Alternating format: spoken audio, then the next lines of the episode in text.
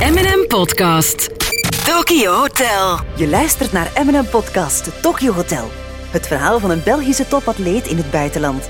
Wat zit er in hun toilettas? Nemen ze hun eigen kok mee? Is het elke ochtend havermout? Zijn het goede slapers? En wat doet stress met hun lichaam? Mijn naam is Ben Broeders. Ik kom uit Leuven. Ik doe ondertussen eh, 18 jaar atletiek. En eh, deze zomer ga ik naar mijn eerste en hopelijk niet laatste Olympische Spelen. Welkom bij Tokyo Hotel.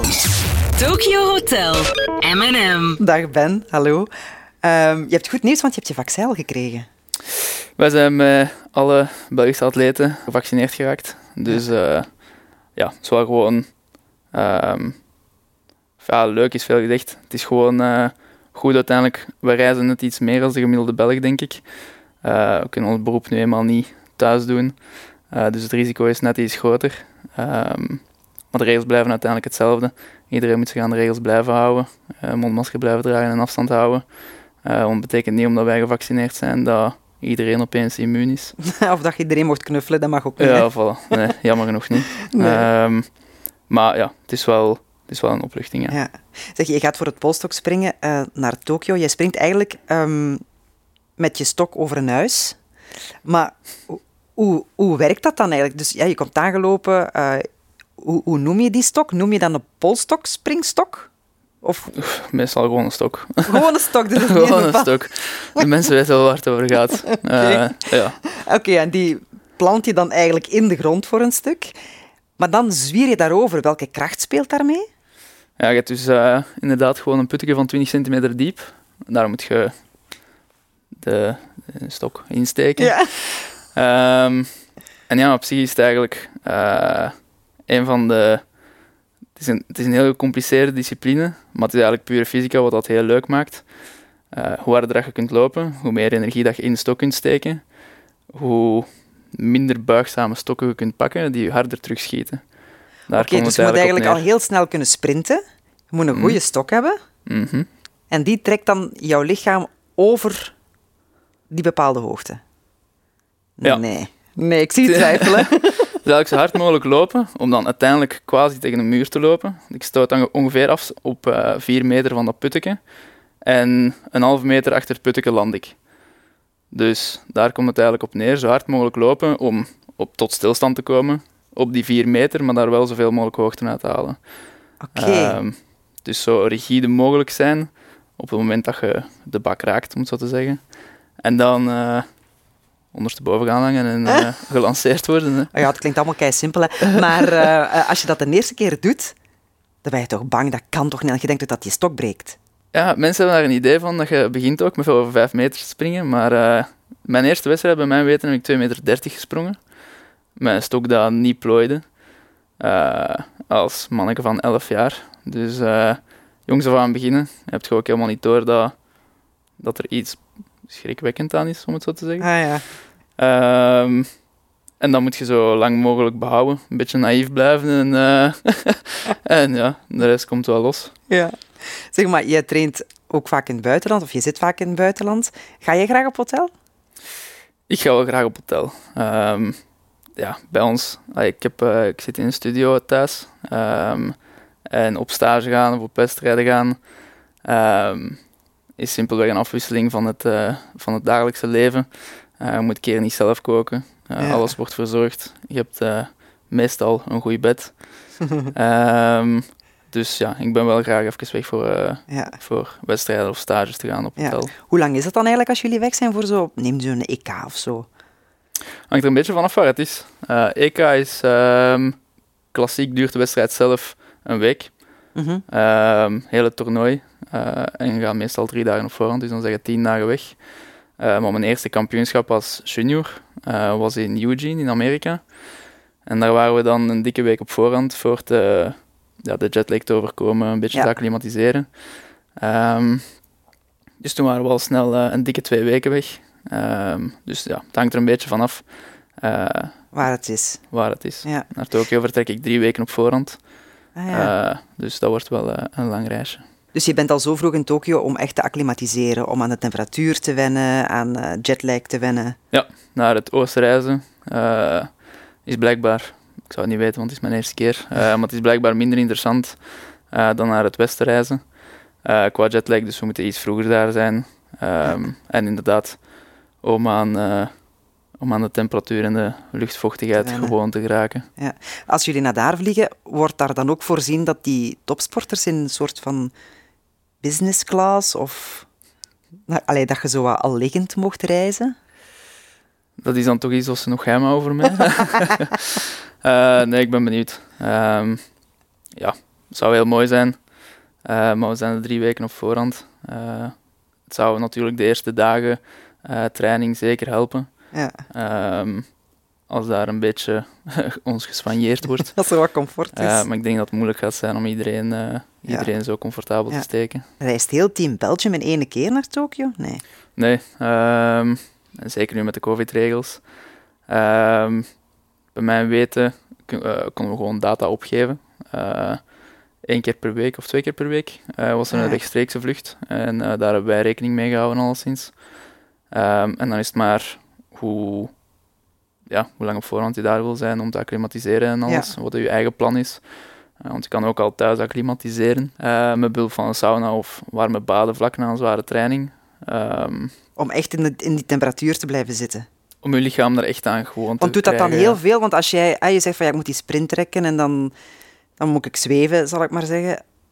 Heeft dat, als dat nu echt zo 20 graden warmer is dan wat dat je hier gewend bent, dat valt echt als een blok op u dan. Ja, de temperatuur is één. En temperatuur is zeker iets om, eh, om rekening mee te houden. Maar voor explosieve sporten, zoals eh, grotendeels toch atletiek, eh, is het echt wel een voordeel om in de warmte te zitten. Ehm, Ah. Je spieren zijn nu eenmaal net iets meer ontspannen. Je hebt iets minder spanning. Je kunt harder lopen. Je moet minder moeite doen om op te warmen, letterlijk.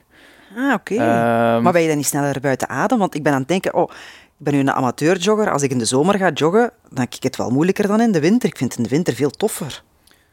minder explosieve sport. Ah, daar zit het verschil. Eh, ja. En ja, in dat opzicht eh, is BOIC ons ook gewoon aan het klaarstomen. Ehm, met van alles wat dat we kunnen doen om de warmte eigenlijk tegen te gaan. Eh, ijsvesten, koelvesten, van alles. Ehm, Hoe warm gaat het daar eigenlijk zijn? Want dat klinkt zo dramatisch. Ja, het is vooral de luchtvochtigheid. Eh, het schijnt dat het enorm erg gaat zijn. Ehm, maar ja, het zou er normaal gezien een, eh, een dikke 30 graden moeten zijn. Met luchtvochtigheid tegen de, tussen de 90 en 100 procent. Och, daar kom ik al niet buiten. Voilà. wat neem je allemaal mee in jouw valies? Zit daar bijvoorbeeld foto's in? Of zit er een Playstation in? Ehm, ik ben echt geen PlayStation-persoon. Eh, nooit geweest. Ehm, of ja, wat mij momenteel eh, het meeste rust biedt tussen mijn training is gewoon even serieken opzetten. Eh, dus in dat opzicht moet ik nog een beetje kijken. En voor de rest gaat voornamelijk eh, bij mijn weten sport gerief zijn om Ja, daar ons ja. ding te kunnen doen. Dus je hebt een, een soort van Netflix-abonnement, of wat heb je? Onze pa heeft dat. Ja, en ik ken zijn wachtwoord. exact. en wat ben je nu aan het volgen op dit moment? Ik ben net begonnen aan Mindhunters. Ah, heb ik al gezien. Ja? Dat is een goeie. Ja, ik vind het ook wel goed. Ja. Ik had er in het begin een beetje mijn twijfels bij, maar Moet even doorzetten, hè? ja. Ja, ja, ja, ja. Zeg, en lig jij alleen op een kamer of is daar iemand bij? Ehm, normale wedstrijden zijn altijd met twee persoonskamers. Eh, De meeste hotels zijn nu eenmaal met twee persoonskamers. Ja. Ehm, en van Rio weet ik dat ze probeerden de dag voor je wedstrijd u alleen te leggen. Eh, maar hoe dat het nu in Tokio exact gaat zijn, eh, daar moeten we nog nog niet. communicatie Nee. over krijgen. Ben je een goede slaper? Ik ben wel een redelijk goede slaper. Eh, ja, ik kan echt gewoon gelijk een steen slapen. Ik ga echt niet Echt? liegen. Dus, eh, Ik ja. hoor dat wel van de meeste sporters die zeggen van ja, ik moet mijn kussen nog maar zien en ik slaap. ja, daar komt het op zich wel Ook als je neer. stress hebt? Afhankelijk van. eh, positieve stress en negatieve stress natuurlijk. Ehm, maar op een bepaald moment... Ja, in de vorige kampioenschappen is het helemaal geen probleem geweest om, om fris op de wedstrijd te staan. Ehm, en dat is wat, eh, wat mijn allereerste coaches altijd zeiden. eh, toen ik echt letterlijk 7 of 8 jaar was. Twee dagen voor de wedstrijd moet je goed slapen. En de dag van de wedstrijd zelf als je net iets minder slaapt, heb je net iets meer stress, maar is positief, want dan heb je net iets meer adrenaline. Ah, oké. Ah, dat is de Dus- truc. Ja, de truc weet ik niet, maar het is een goed excuus als je een keer slecht slaapt om je aan op te trekken. zeg, eh, de badkamer, is dat een belangrijke plaats voor jou?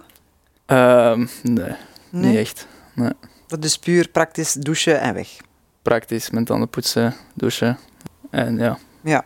daar blijft het zijn er zo eh, ehm, badkamergeuren of, of heb jij een vast ehm douchegel dat overal meegaat? Zo'n geur dat je een beetje comfort biedt, dat je weet van ja, dat is mijn geur. Ik ben een simpele mens, eh, ik vrees ervoor. het leukste hotel dat ik wel heb gezeten was vorig jaar in Stockholm en daar hadden ze alles van rituals.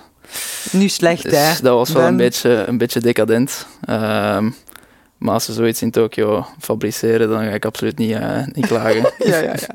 Zeg, maar jij zit ook vaak buiten, hè? Ehm, heb jij een speciaal crème voor je gezicht? Want ik ken wel heel sporters die dat wel doen, hè? Zonnecrème, eh, speciale sunblocks.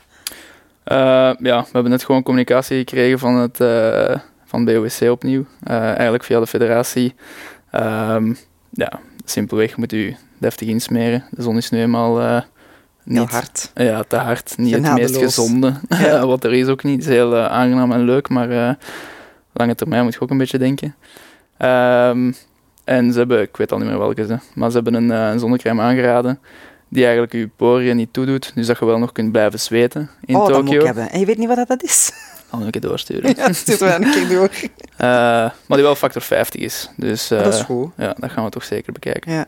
Zeg, als je naar de ontbijtruimte gaat in een hotel, mag jij alles eten of moet jij je eigen zakjes havermout meenemen of speciaal brood of eet je glutenvrij? Bij mij weten mag ik absoluut alles eten. Zalig. uh, ja, het zit wel in elke sporter denk ik om, uh, om op je eten te letten. Uh, bij mij is dan voornamelijk dat ik genoeg proteïne binnenkrijg eigenlijk. En toch net genoeg koolhydraten ook natuurlijk. Uh, ja. Dat ik wat energie heb, om het zo te zeggen. Um, maar ja, explosieve sport. Spieren zijn nu eenmaal belangrijk en zeker als ze niet afbreken. Um, dus ja, de dag beginnen met een, uh, een proteïnerijk ontbijt is wel belangrijk voor mij gewoon. En wat is dat een proteïnerijk ontbijt? Dat is een ei. Een ei met, met groenten uh, of? Kunt van alles doen. Ik eet elke middag eieren eigenlijk. ah. uh, maar s ochtends eet ik uh, hier alleszins of thuis uh, platte kaas met noten vooral. Ja, dat vult naar het schijnt heel goed, hè? Ja, noten is ook gewoon gezonde vetten. Veel proteïne ook. En dan knal ik daar nog redelijk wat chocolade bij om het heel lekker te maken. Dat is dan niet en dan lekker. is het af. Maar zijn er zo bij postdoc-springen, zijn er ook categorieën in? Gewichtsklasses? Nee, nee, nee. Iedereen heeft nu eenmaal zijn eigen materiaal mee. Dus mijn stokken van hier gaan ook mee naar Tokio. Maar hoe vervoeren ze die? Kunnen die zo inschuiven? Zou dat niet interessant zijn? zou makkelijk zijn en interessant, maar ik vrees ervoor. dat is nog de uitvinding dat ze moeten ja. doen voor onze sport. Want hoe uh, lang is die? Mijn stokken zijn 5 meter en 10. Dus die worden gemaakt op jouw lengte? Uh, ja, je hebt een aantal uh, merken van stokfabrikanten. Um, oftewel is glasvezel, oftewel uit carbon. Carbon is iets lichter, maar breekt iets makkelijker. Rapper, wat ook spectaculair is, maar waar dat je liefst van weg blijft. Ja. um, ik zelf spring met glasvezel. Met uh, de stokken waar eigenlijk ja, alle wereldrecords gewoon mee zijn gesprongen. Dat merk. Uh, ja. zijn voor iedereen hetzelfde. En um, lengte kunt je kiezen en de buigzaamheid. Ook. Um, en die wordt eigenlijk gemeten door de twee uiteinden op een stoel te leggen of weet ik veel. Ja. Daar 10 kilo aan te hangen en te kijken hoeveel het doorbuigt. Ah, oké. Okay. Ja, en dat zijn eigenlijk de, we noemen dat flexen. Um, en van daaruit kun je eigenlijk heel precies gaan hoe ja. straf dat je springt. Om het zo te zeg, zeggen. en hoeveel stokken gaan er dan mee? Ik moet nog een beetje bekijken, want uiteindelijk ga ik er drie weken op voorhand zitten. Ik kan niet alleen mijn wedstrijdstokken meenemen. Maar mijn wedstrijdstokken is één buis, is zeven stokken. Um, dus sowieso wel een tweede buis. Ah, die uh, zitten in een buis, daar zitten er zeven in?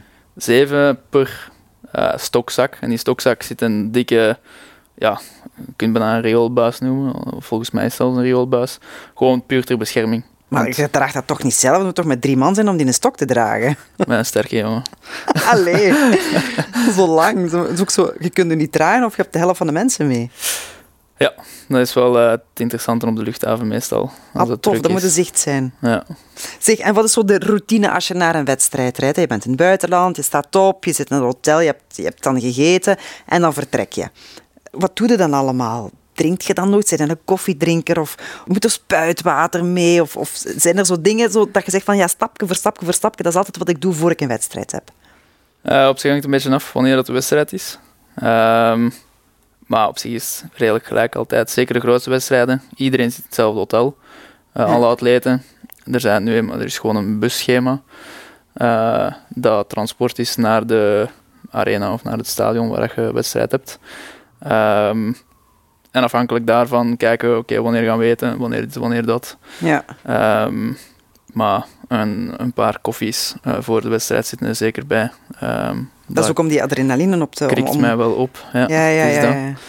ja. Dus als ze Ehm, dat niet hebben, stel dat ze in Tokio, en dat zou misschien nog wel eens kunnen zijn, dat ze daar geen goede koffie hebben. O- o- dan Word je een beetje ambetant? Nee. Zeker van? nee, er zijn altijd wel oplossingen voor eh, een beetje cafeïne binnen te krijgen. Want uiteindelijk daar gaat het voor mij een beetje om. Ehm, gewoon wakker en fris zijn. Eh, Maar je hebt toch ook heel veel atleten die van die eh cafeïnepillen nemen, hè? gelijk de sprinters bijvoorbeeld. Ehm, ik zeg het, er zijn meer dan genoeg opties voor. Ja. En er zal sowieso wel een paar eh, copingplannen zijn ja. voor ik naar maar, maar gaat je hartslag dan niet gigantisch omhoog?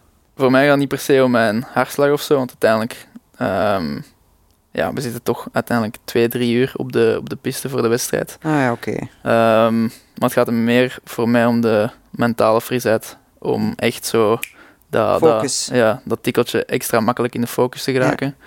En vandaar eh, zeker wedstrijd klaar te zijn. Ja. Zeg, en ben je stressbestendig of stressgevoelig? Als je in zo'n stadion bent en het is, u, het is bijna uw beurt, dat je dan ineens denkt van ah, niet in mijn darmen, waar is die wc hier? Want dat zijn toch heel veel sporters die daar toch wel even mee zitten. Nee, zo erg is niet. Ik heb wel, ik, ik heb wel stress voor ik vlak, allee, vlak voor ik vertrek. Maar laat ons zeggen, op het moment dat we er zijn, is het gewoon uiteindelijk een, een, een piste, een vertrouwde omgeving. Ja, En ja, het is nu eenmaal een spektakelsport. Het is een deel ervan. Eh ik ook wel mee moeten leren omgaan om het helemaal op punt te krijgen, om het zo te zeggen. Maar ja, ervaring helpt daar zeker in. En op het moment dat ik op de piste of, op de, of, of op de, op de ja, aanloop kom, is dat wel negentiende weg. Ja. Eh, zeker na de eerste sprong gewoon het ijs breken. En eh, ja. vanaf dan voelt je toch dat alles sowieso in orde komt. Zeg, en als je in zo'n stadion zit, en ja, dat kan heel erg opzwepend zijn, hoor je dat dan op dat moment? Of ben je zo gefocust dat je dat niet hoort, dat je dat publiek niet hoort? Ik hoor dat wel eens. Dat is net hetgeen wat dat, eh, wat dat extra leuk maakt. Wat dat een kampioenschap net dat tikkeltje extra geeft eh, voor veel atleten ten opzichte van ja, een gewone wedstrijd op de club. Dus je hebt dat nodig, wel. Zo, Nodig is veel gezegd, maar ik denk, dat, ja, ik denk dat het zeker helpt om net ja, opnieuw dat tikkeltje extra focus te hebben, om net dat tikkeltje extra adrenaline eh, te hebben voor, ja, voor Pols ook toch voor net die stok straffer te kunnen nemen, die dat je dan weer 5 centimeter hoger helpt als je het juist doet. Je moet alleen weer juist doen en niet te fel meegaan in de menigte. Ja, Ehm, maar dat is hetgeen wat het interessant maakt. ja. Zeg, en wie is jouw grote concurrent daar? Eh, de grote concurrent van iedereen is de wereldrecordhouder momenteel, eh, is Mondo Duplantis. Een Zweed van 21, Ja. die ja, gewoon fenomenaal talent is. Is dat een toffe? Dat is wel een toffe. Ja. Ik heb over niet veel mensen van, van ja, de groep, om het zo te zeggen, iets te klagen. Dus Nee. ja. We gaan eens met de trap naar het dak van het hotel. Hè. We gaan kijken eh, wat dat uw kansen zijn in Tokio. Kan je dat al inschatten? Als het vorig jaar was geweest, dan eh, in 2019 had ik gezegd, is ervaring. Vorig jaar had ik dan wel het gevoel dat er wat meer in zat dan gewoon ervaring en hopen op een finale. Ik denk dat nu een finale plaats zeker mogelijk moet zijn. Hmm. En ehm, ja, uiteindelijk, dat is het doel van iedereen, maar het is maar de kunst om het te doen werken. Is, ehm, ik wil gewoon mijn record proberen springen eigenlijk in de finale. Dus jouw record staat nu op 5,80 meter. 85 vorig jaar drie keer gesprongen. Ik denk dat er wel een schepje bij kan. Ehm, het is natuurlijk de kunst om het op het juiste moment te doen. Als de omstandigheden het ook een beetje toelaten, als het daar aan het gieten is van de regen, dan gaat dat moeilijk worden. Maar als dat lukt, dan denk ik wel dat er een, een mooie prestatie in zit. En dan volgt Parijs waarschijnlijk ook nog. Liefst. Liefst. En dan hopelijk LA ook nog. Ja, oh, het zit er nog wel even bezig dan. Ja. ja. Zeg, eh, als laatste vraag, weet je al hoe laat dat je moet springen dat we kunnen kijken? Ehm, Ligt dat al vast, weet je dat? ligt vast, ja. De kwalificatie is voormiddag. Eh, wat dan niet mijn sterkste kant is over het algemeen. Mhm. Dus eh, we moeten een beetje aan beginnen sleutelen. In dat opzicht helpt de koffiebel. en de finale is eh namiddag sowieso, allee, tegen de avond. Dus Ja. Oké, we houden het in doog. We kijken sowieso Sportza. Hè. Het zal wel uitgezonden worden. En anders M&M.